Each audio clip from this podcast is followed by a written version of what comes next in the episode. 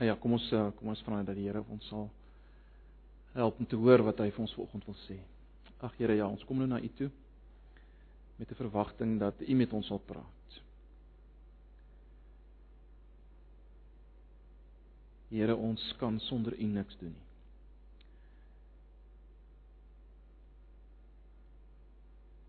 En daarom pleit ons hier dat U ons ore sal oopmaak, ons verstand sal helder maak ons harte ver oggend ontvanklik sal maak vir u woord.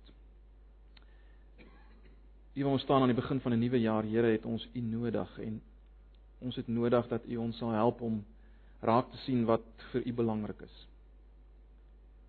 U ken ons. U weet alles. Help ons, Here. Ons vra dit in Jesus se naam. Amen.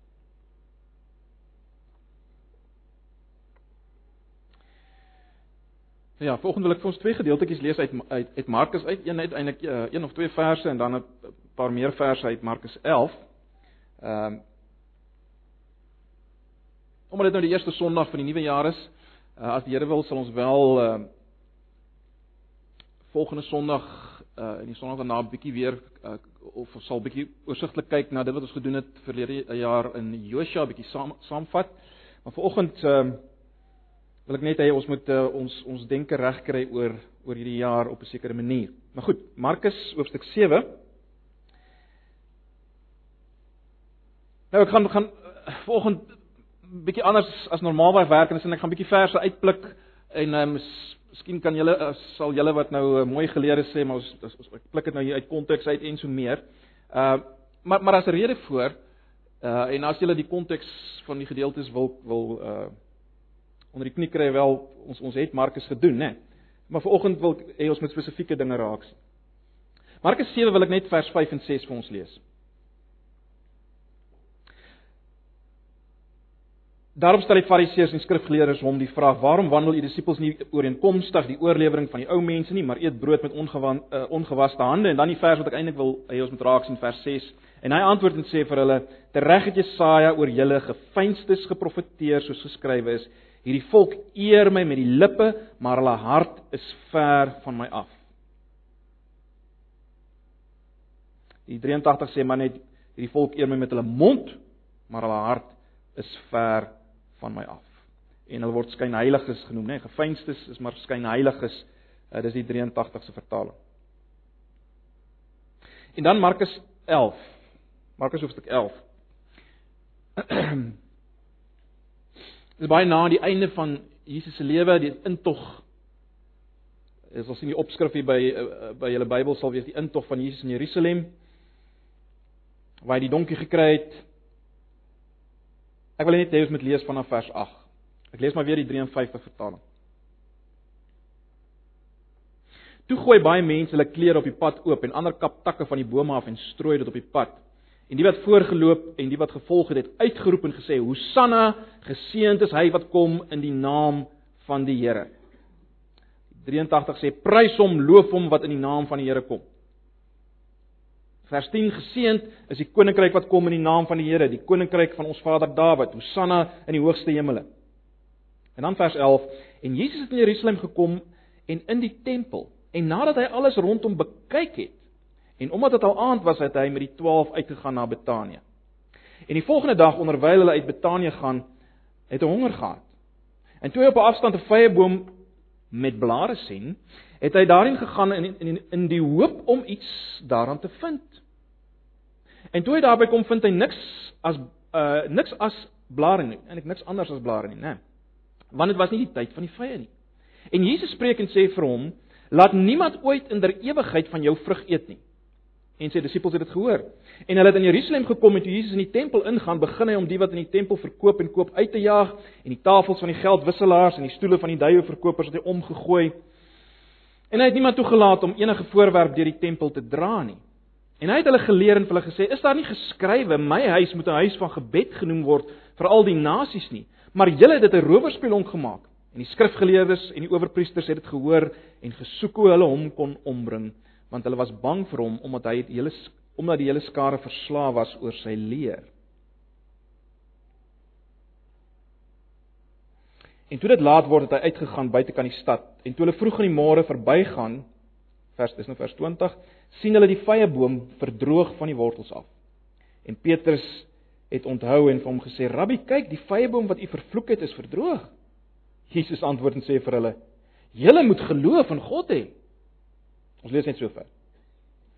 Die volgende verse is 'n bietjie van 'n ander onderwerp oor gebed wat aansluit by die geloof in God, maar ons gaan nou nie vanoggend daarna kyk. My vraag vanoggend aan myself en aan julle is bloot dit: Wat soek Jesus by jou en by my in 2019? Wat soek God by jou en by my in 2019? Wat soek God, wat soek Jesus by Antipas in 2019? En ek dink dit is 'n uiters belangrike vraag om te beantwoord hier aan die begin van die jaar. Uh want ek dink tog ons almal het op 'n of ander manier bewuslik of onbewuslik bietjie begin nadink oor die jaar en uh gedink oor wat alles jy hierdie jaar wil doen en bereik. En as jy 'n Christen is, het jy waarskynlik gedink oor wat jy wil doen vir die Here hierdie jaar, uh wat jy wil doen in die gemeente waar jy betrokke wil wees. Uh dalk het jy gedink aan wie jy wil ondersteun finansiëel hierdie jaar of wat die geval mag wees. Dalk besluit ek wil hierdie jaar meer betrokke raak by my selgroep of of of wat die geval mag wees. Wel, Kom ons kyk vanoggend na hierdie gedeelte wat ons gelees het, Markus 11 meer saam met Markus 7. En kom ons probeer raak sien of of hierdie gedeelte ons help om te verstaan wat Jesus en wat God regtig by ons soek in 2019. Nou soos ek reeds gesê het, ek gaan nou nie uh albei gedeeltes uh presies in konteks uitlei vanoggend nie. Ek gaan nie presies wys waar dit inpas in Markus nie. Ons het dit gedoen toe ons uh, Markus se jare wat gelede gedoen het. Ek wil eers moet kyk na wat ek tog dink die die angel van hierdie gedeelte is en dit is in vers 12 tot 14. Ek dink is redelik duidelik as mens hierdie gedeelte lees dat dit as te ware die die angel van die gedeelte is. Die die kern van van wat Jesus wil sê hier in vers 12 tot 14. Uh kry ons waarskynlik dit. Want Jesus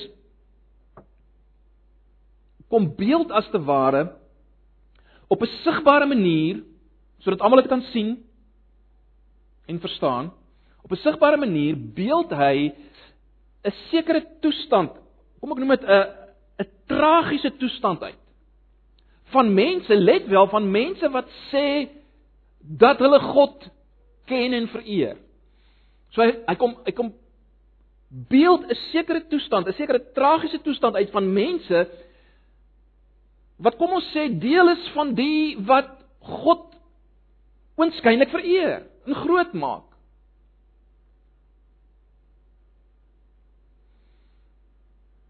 En hierdie tragiese toestand wat hy hier op 'n sigbare wyse, praktiese wyse kom uitbeeld, uh dink ek het iets vir ons te sê. Want ek is oortuig daarvan dat daar ook vandag en ook in 2019 mense gaan wees wat hulle self bevind onder hierdie groep mense wat besig is met 'n geweldige kom ek gebruik maar weer die woord tragiese lewenswyse.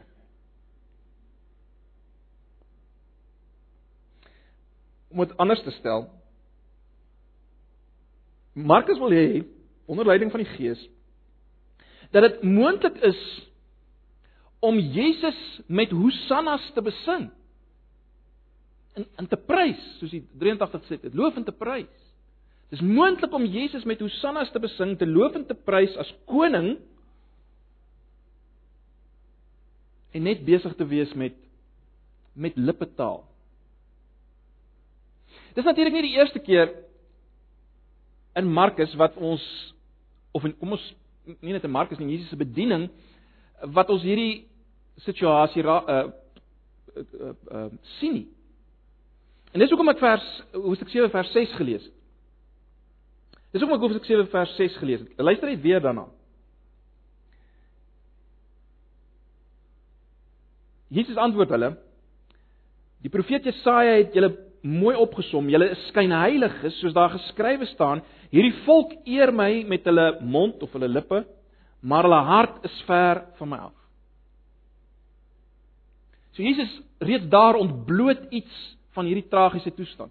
Uh net baie vinnig, ons het al hieroor gepraat, maar kom ons dink net weer vir 'n oomblik, wat bedoel Jesus as hy praat van die hart? Ons weet, ons almal wat hier sit weet, ons het al baie vir mekaar gesê, natuurlik praat hy nie van die uh vuisgrootte bloedpomp in die middel van jou borskas nie. Dis nie waarvan hy praat nie.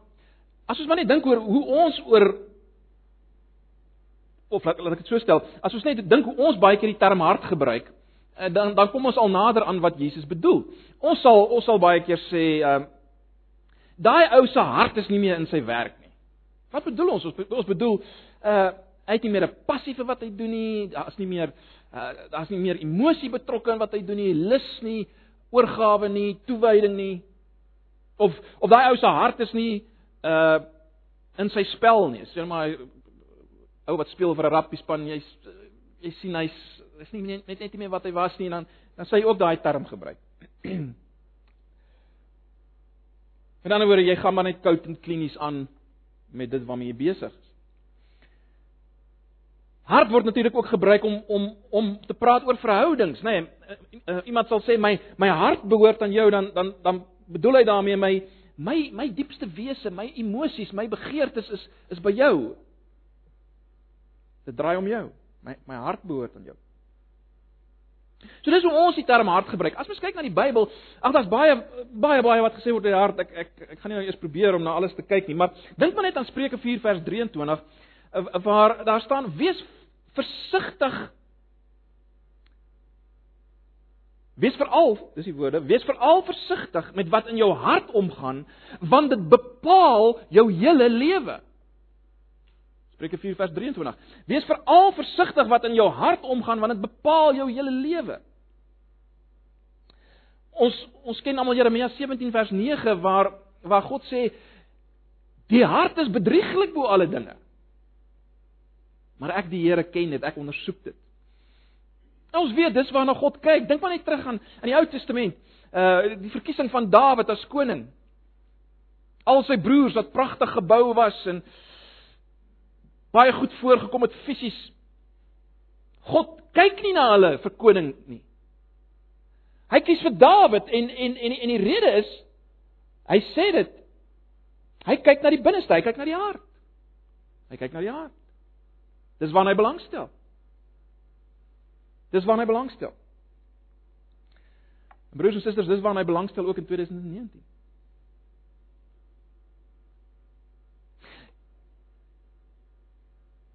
Nou dis presies waaroor hierdie gedeelte van die vyeboom eintlik ten diepste gaan.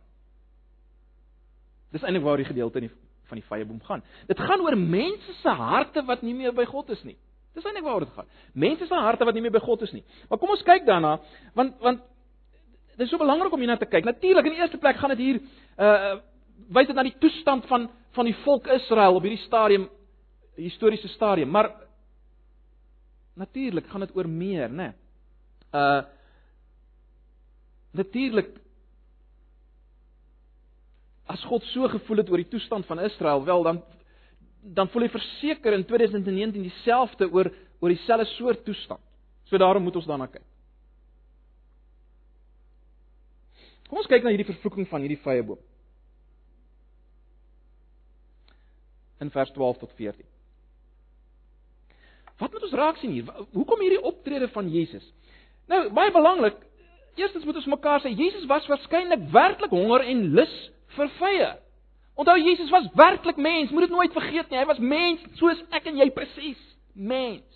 Hy was waarskynlik werklik lus vir vye. Maar natuurlik hier's meer. Hy skakel as te ware hierdie werklike behoefte van hom in by hierdie teken met diepe betekenis of hierdie wonder as jy wil met met met met 'n met 'n geweldige betekenis, né? Nee. So ek ek noem dit maar net want as as jy dalk hier sit en dink wel eh, ehm uh, um, vir al die natuurliefhebbers onder ons mag dink maar die arme vyeboom. Is Jesus nie bietjie lelik met die arme vyeboom nie? Wel, Onthou, hy gebruik die vrye boom as 'n beeld van iets. Hy gebruik die vrye boom as 'n beeld van iets. Die vraag is van wat? Wel, ek wil dit so stel. 'n Vrye boom met blare en dit wel dis interessant, net dat Markus het doelbewus sê dat daar was 'n vrye boom met blare. 'n Vrye boom met blare wek die indruk dat daar vrugte aan is en dit prikkel die lus om daarvan te eet. Dis wat 'n vrye boom met blare doen. By ondersoek deur Jesus het dit egter gebleik dat hierdie vrye boom nie vrye aan het nie. Maar let wel, Jesus het waarskynlik werklik verwag dat gaan vrye aanwees. Dit dit dis die indruk wat mense kry. Uh onthou ten spyte van die feit dat Markus vir ons noem dit was nog nie vrye tyd nie, is dit ook so dat dit 'n feit is dat vrye bome aan die ooste kant van die Olyfberg het baie vroeg in die lente begin dra.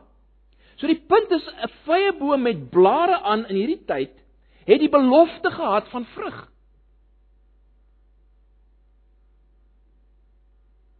Dit het was te ware vir jou gesê, wel daar kan vrug aan wees. Jy kan vrug aan wees. Dit dit dit skep die indruk van vrug. Dit en dis die groot punt wat ons my net raak sien. Maar Jesus kom en hy spreek 'n vloek uit oor hierdie boom wat kom ons stel dit so nie voldoen aan die verwagting wat dit self skep nie. Jesus spreek 'n vloek uit oor hierdie boom wat 'n verwagting skep waaraan hy die boom nie self voldoen nie. Maar natuurlik is hier iets meer. Dit gaan natuurlik nie in die eerste plek oor die boom nie. Jesus spreek 'n vloek uit oor die tipe godsdiens waarmee Israel besig was op hierdie stadium. Hierdie volk wat oënskynlik verlang na die Messias en sy koms, maar hulle hart is ver van hom af.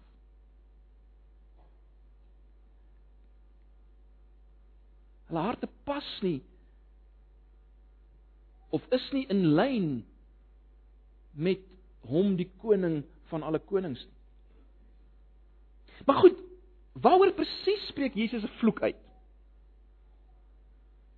Ons sê vir mekaar nou dat die vervloeking van die vrye boom gaan oor meer as die vervloeking van die vrye boom, dit gaan oor 'n vloek oor die die tipe die die tipe godsdiens van Israel, maar wat presies is die probleem? Waaroor presies spreek hy 'n vloek uit? Wel, om dit te verstaan moet jy kyk na die tempelreiniging.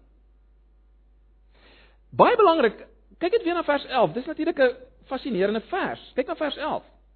En Jesus het in Jerusalem gekom en in die tempel. En nadat hy alles rondom bekyk het,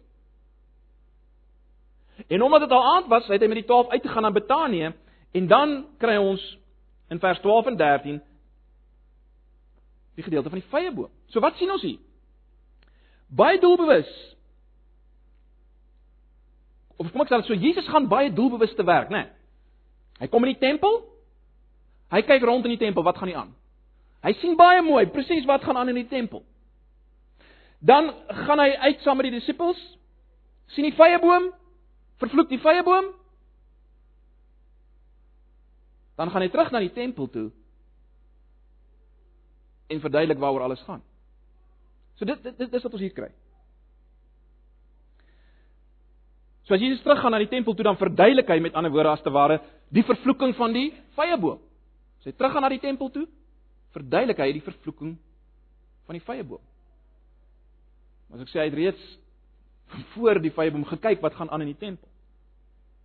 So wat kry ons in hierdie gedeelte oor die tempel wat ons altyd noem die die tempelreinig in vers 15 tot 19? Wel, binne die voorhof 'n voorhof van die tempel, 'n plek waar daar gebid moes word, uh, of kom ek stel dit so 'n plek wat bedoel was vir gebed en vir ander Ou Testamentiese handelinge van aanbidding. In hierdie voorhof sit ouens met gulsige oë en wag vir 'n transaksie. Sommige verkoop diere van bokke tot duwe.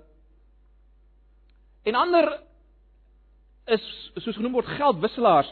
Hulle sit die pelgrims se se geld om in die regte geldeenheid as ons dit as ons dit so kan stel.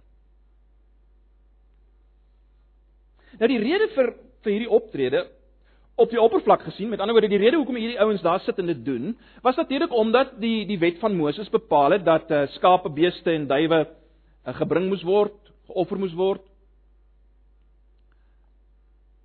En nou was dit so gewees dat baie ouens van ver af gekom het om in die tempel te kom offer en hulle het nie hulle diere saamgebring. So hulle moes as te ware diere hier kry. En en en en die En wat nou gebeur het hier in die voorhof is dat hier nou 'n lekker besigheidjie ontstaan. En onskynlik is dit wat hierdie ouens doen wat hier sit wonderlik. Uh, hulle help.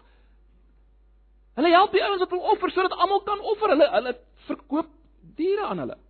Sit hulle geld om in die regte eenheid en verkoop diere aan hulle sodat hulle kan offer. So hulle maak dit maklik vir almal om te offer. Dit lyk na 'n vreeslike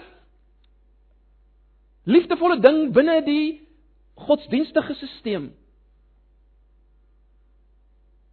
Maar wat is Jesus se reaksie toe hy dit sien? Wel. Kom ons kyk na vers 15b en vers 16. Die tafels van die geldwisselaars en die stoele van die duiweverkopers het hy omgegooi. Vers 16 en hy het niemand toegelaat om goed oor die tempelplein te dra nie. So baie duidelik is Jesus nie beïndruk met wat hy hier sien nie. Hoekom nie? Wat was die probleem? Wel kyk na vers 17. Toe het hy die mense geleer en vir hulle gesê: "Staan daar nie geskrywe my huis sal 'n huis van gebed vir al die nasies wees nie, maar julle het dit 'n rowersnes gemaak." So Jesus verduidelik sy optrede deur te verwys na 'n uh, gedeelte uit Jesaja uit, 'n profesie in Jesaja 56 vers 7 waar die verwagting uitgespreek word dat daar 'n tyd sal kom as die Messias gaan kom dat hy die tempel gaan vernuwe. Julle sal onthou uh, daar was die verwagting geweest dat die tempel gaan vernuwe word. Dink aan Jesegiel 40 tot 44. Die tempel gaan nie gemaak word. Dit gaan heerliker wees as as ooit. Maar dan sal al die nasies na die tempel toe kom. Dit sal die verwagting wees om te aanbid. Sodat dit 'n huis van gebed genoem sal word vir al die volke. Jesaja 56 vers 7 interessant gaan lees maar ook 1 Konings 8 vers 41 en verder word daar gepraat oor oor hierdie verwagting van wat gaan gebeur in die tempel. Al die nasies gaan kom en God aanbid. So dit was as te ware wat die tempel moes wees in die tyd van die Messias, in die tyd van Jesus. Dis wat dit moet wees, maar maar wat sien Jesus? Wel, hy sien hierdie hierdie boeremark, hierdie bazaar.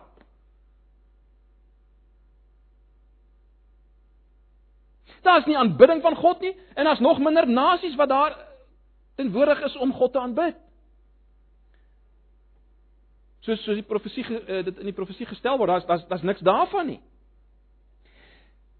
Jy sien wat hier gebeur het, het baie duidelik nie gevloei uit 'n liefde vir God nie, uit 'n hart vir God nie.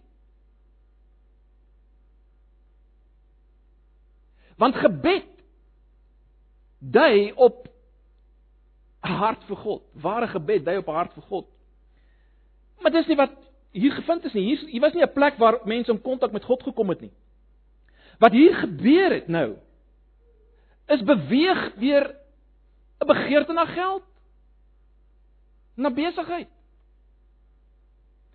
En en dis alles eintlik net erger gemaak deur die feit dat dat dat dit bedek is met 'n godsdienstige ritueel en bedek is met kom ons noem hulp dit hulpvaardigheid. Dit maak dit erger. Dis dit, dit was as te ware die dekmantel gewees om om om hulle gierigheid weg te steek. Dis waaroor dit hier gegaan het. Dit was 'n dekmantel om hulle harte weg te steek wat nie by God en by Jesus is. so dis wat Jesus gesien het. Hy sien valsheid. Hy sien skynheiligheid. Dis wat hy sien.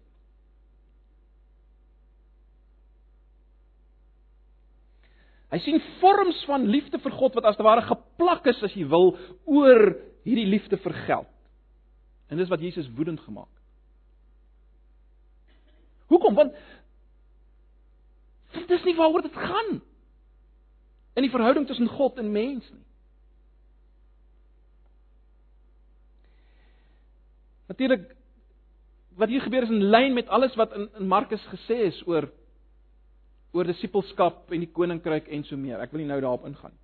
Maar dit is baie belangrik dat ons dat ons sal sien hoe dit wat hier by die tempelreiniging gebeur verband hou met die vyeboom en verband hou met die skares wat Hosanna skree. sien julle die verband? Verband met die vyeboom en die verband met die skares wat Hosanna skree. Ons kry in hierdie gedeeltes kry ons die skare, ons kry die vyeboom en ons kry die tempel. Wat sien ons by die skare? Ons sien 'n skare wat Hosanna sing vir die koning asof hulle hom eer. Die indruk word geskep, die verwagting dat hulle gaan aanhou om hom te eer. Dis wat ons by die skare sien. By die by die vyeboom, die blare skep die indruk dat daar vye is. Maar dit was nie daar nie en natuurlik by die tempel dit skep die indruk van 'n huis van gebed vir die nasies soos die belofte was, maar dit was nie. Dit was. En in vers 18 sien ons dat die skrifgeleerders en die owerpriesters toe hulle hoor wat Jesus sê, het hulle beplan om hom dood te maak. Dis geweldig. Dis geweldig. Want hier sien ons weer dat dat hierdie boodskap van Jesus, hierdie soeke van Jesus na na die harte van mense, na dit wat uit die binneste kom uit 'n liefde vir God, Dit druis in teen die natuurlike mens. In so mate dat hulle hom wil kruisig. Hulle wil hom kruisig. Maar ons ons moenie die implikasie hiervan mis nie, né? Jesus wil vir ons wys dis deel uh, of dat ek dit so stel, dis dis moontlik om deel te wees van die kom ons noem dit die die godsdienstige stelsel van die dag. Ek het nie lekker ander woord daarvoor nie. Die godsdienstige toneel samelewing, wat jy dit ook al wil noem van die dag is is moontlik om deel van hulle te wees en Jesus se dood te beplan. Ons het 'n lied gesing vroeër vanoggend waar die skrywer van die lied sê sy eie stem was daar. Hy hy het ges, hy het gesê kruisig hom. Met ander woorde Dis moontlik om Hosanna te sing. Om om om om 'n een oomblik Hosanna te sing. Die Here te loof en te prys. En ook sy dood te beplan. Dis wat Dis wat hier staan. Een oomblik Hosanna, die volgende oomblik kruisig hom. Dis wat gebeur het. Dit het letterlik gebeur. Dit het gebeur. En en ek verstout my om te sê dat broers en susters dit gebeur weer en dit sal weer in 2019 gebeur. Natuurlik op 'n ander manier, maar geestelik gesproke. En en dis die angel wat ons moet raak sien. Dis die angel wat ons moet raak sien. Dat jy kan die Here besing, sy sy lof selfs besing hier en eintlik ten diepste nie van Jesus en sy radikale boodskap hou nie. En is moontlik om so te lewe in 2019.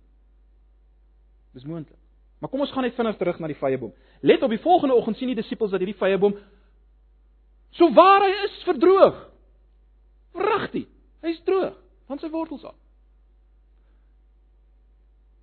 En en wat ons moet raak sien is dit Jesus het het hierdie hele stelsel, hierdie hele manier van godsdiens as as as jy dit so kan stel. Hierdie selfgerigte gierige godsdiens wat nie draai om Jesus en aanbidding en die nasies nie. Dit het hy kom vervloek. Dit dra nie vrug vir hom nie. Dit kan nie vir hom vrug dra nie. Dis wat ons moet raak sien. Let dit op, Petrus is baie verbaas. Ek meen Jesus het gesê, Jesus het gesê vervloek is jy vir die vyeboom. Maar maar Petrus is nog steeds verbaas as hy sien wat dit nou werklik gebeur. Werklik nie vye boom verdroog. En dan sê Jesus vir hom, dis baie belangrik. Julle moet geloof in God hê. Met ander woorde, julle moet geloof in my hê. Ek is God. Dis dis die groot punt in die evangelies ook. Jesus is waarlik God. As ek sê iets gaan gebeur, dan gaan dit gebeur. Ek het gesag. As ek sê die vye boom gaan nie weer vye dra ooit nie, dan gaan dit nie. Maar die belangrike ding is onthou weer eens, dit gaan nie oor die vye boom nie. Per implikasie gaan dit oor 'n tipe godsdiens, 'n tipe omgaan met God en met Jesus wat vervloek word deur Jesus. wat hy nie soek nie, om dit eenvoudig te stel. Hy soek dit ook nie in 2019 nie. 'n Godsdienst sonder hart vir hom. Hy soek dit nie in 2019 nie. Dis onder sy vloek. En, en ons moet dit hoor, ons moet dit volgende hoor. So, broers en susters, om net dit alles saam te vat en toepas. Wat soek Jesus in 2019 by my en by jou? Wel hy soek ons harte. Hy soek ons ongefeinste harte.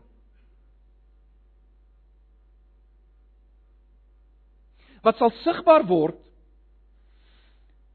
in gebed tot hom en 'n begeerte dat die nasies hom sal aanbid. Dis wat hy soek. Dis wat hy soek. So so jy moet jouself afvra wat is wat is my nuwejaarsvoornemens? Is dit in lyn met wat vir Jesus belangrik is?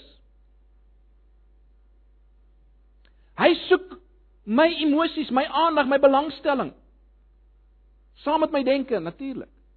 Maar dis wat hy soek. En, en ek moet myself afvra, is dit wat ek dis is dit wat vir my belangrik is om vir hom te gee in 2019? Of wil ek net allerlei dinge doen sodat mense my kan raak sien? Sodat ek gesien kan word as 'n vreeslike betrokke lidmaat? Dis dis die tipe vrae wat ons onsself moet afvra elke een aan die begin van hierdie jaar. Jy sien God wil hê ons moet besig wees met hom. Wat natuurlik duidelik word uit gebed. Hy wil nie so seer hê ons moet besig wees met allerlei planne en reëlings en dingetjies vir hom nie.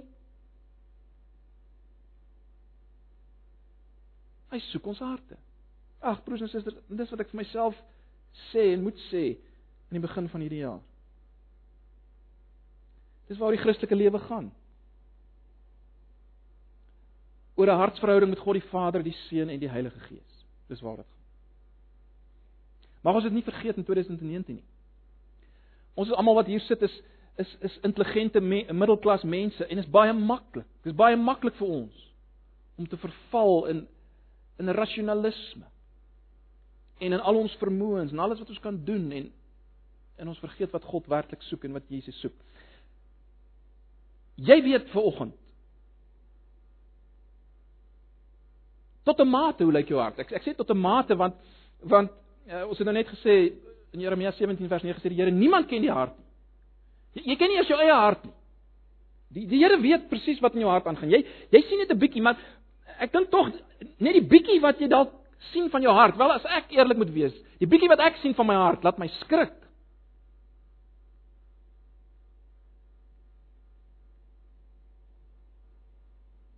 En dis die vraag wat wat jy jouself moet afvra. Sien ek in my hart? Is my hart nie maar koud en afgestomp as dit kom by die, by Jesus self, God self? Jy's dalk reg vir die spel van Christendom in 2019. Ek weet dit klink verskriklik, maar jy hoor wat ek sê. Jy's dalk reg vir die spel van Christendom in 2019. Die vraag is, is jou hart daarbey? Dis die vraag wat ek myself moet afvra. Ag, so broers en susters, al wat ek volgens vir julle wil sê, kom kom gee jou hart weer vir die Here. En as ek as ek dit sê, bedoel ek nie uh bitter rympie gebed, 'n ritueeltjie weer. Ag Jesus, hier is my hart, soos ons baie keer die kinders leer nie. Dit dit kan weer 'n absoluut sinnelose ritueeltjie wees. Nee, sorg dat jou jou aandag, jou emosies in lyn kom met hom, op hom gerig is. Doen alles in jou vermoë om jou koue hart aan die gang te kry vir hom. As ek dit so kan stel. Want hy soek jou hart. Gee jou hart vir hom. Dis wat ek vir julle wil sê. Ag, mag die nagmaal vanoggend ons help daarmee. Mag die nagmaal ons help daarmee. Want die nagmaal is 'n sigbare, tasbare teken van Jesus. Julle sal weet in Johannes Evangelie sê Jesus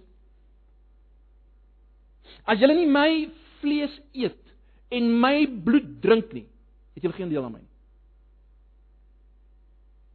En dan kom hy by die instelling van die nagmaal en hy sê: "Dit is my bloed. Dit is my liggaam. Eet dit." Broers en susters, die nagmaal, ek ek is al meer onder die oortuiging dat ons mis baie in die nagmaal. Daar's 'n misterie aan die nagmaal. Daar's iets van 'n gemeenskap met Jesus, 'n eet en 'n drink van Jesus wat wat 'n misterie is. Ons moet dit nie net afplat tot 'n teken daar ver as te waar. Jesus wil hier gemeenskap met ons hê. Ons eet hom, ons drink hom. Dis wat hy sê. Ons moenie allerlei verklaringe daar want dit klink nie lekker vir ons nie, so ons probeer dit vreeslik teologies. Dis wat hy sê. Dit is my liggaam, dit is my bloed, eet dit, drink dit. Dis 'n misterie natuurlik. Maar kom ons laat toe dat die Here ons versterk vanoggend in ons liefdesverhouding met hom. As as hy homself so gee vir ons vanoggend. Sê dit net vir ons weer een ding. Hy soek ons harte. Hy het sy alles gegee vir ons. En hier is die tekens daarvan dat hy alles gegee het vir ons. So kom ons gebruik dit en kom ons bedink dit as ons dit gebruik en kom ons gebruik ook die nagmaal as ons uh, saam dit gebruik kom ons aanbid die Here saam. Bid saam terwyl ons dit gebruik. So ek gaan vir ons gebed doen en dan vra ek dat die diakens net vir ons die tafel sal gereed bring. Ag Here, ja, baie dankie vir u woord. En ons gebed is maar net dat u nou op 'n wonderlike manier met ons sal ontmoet ook in die nagmaal. Ag Here, ons wil vir U sê ons wil nie in 2019 besig wees met dit waarmee die volk besig was.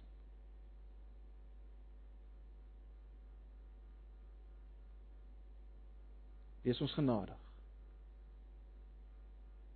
Hoor ons as ons dit vir U sê, as ons Hy sê ons wil ons wil hê ons harte moet by U wees. Help ons, Here. Help ons.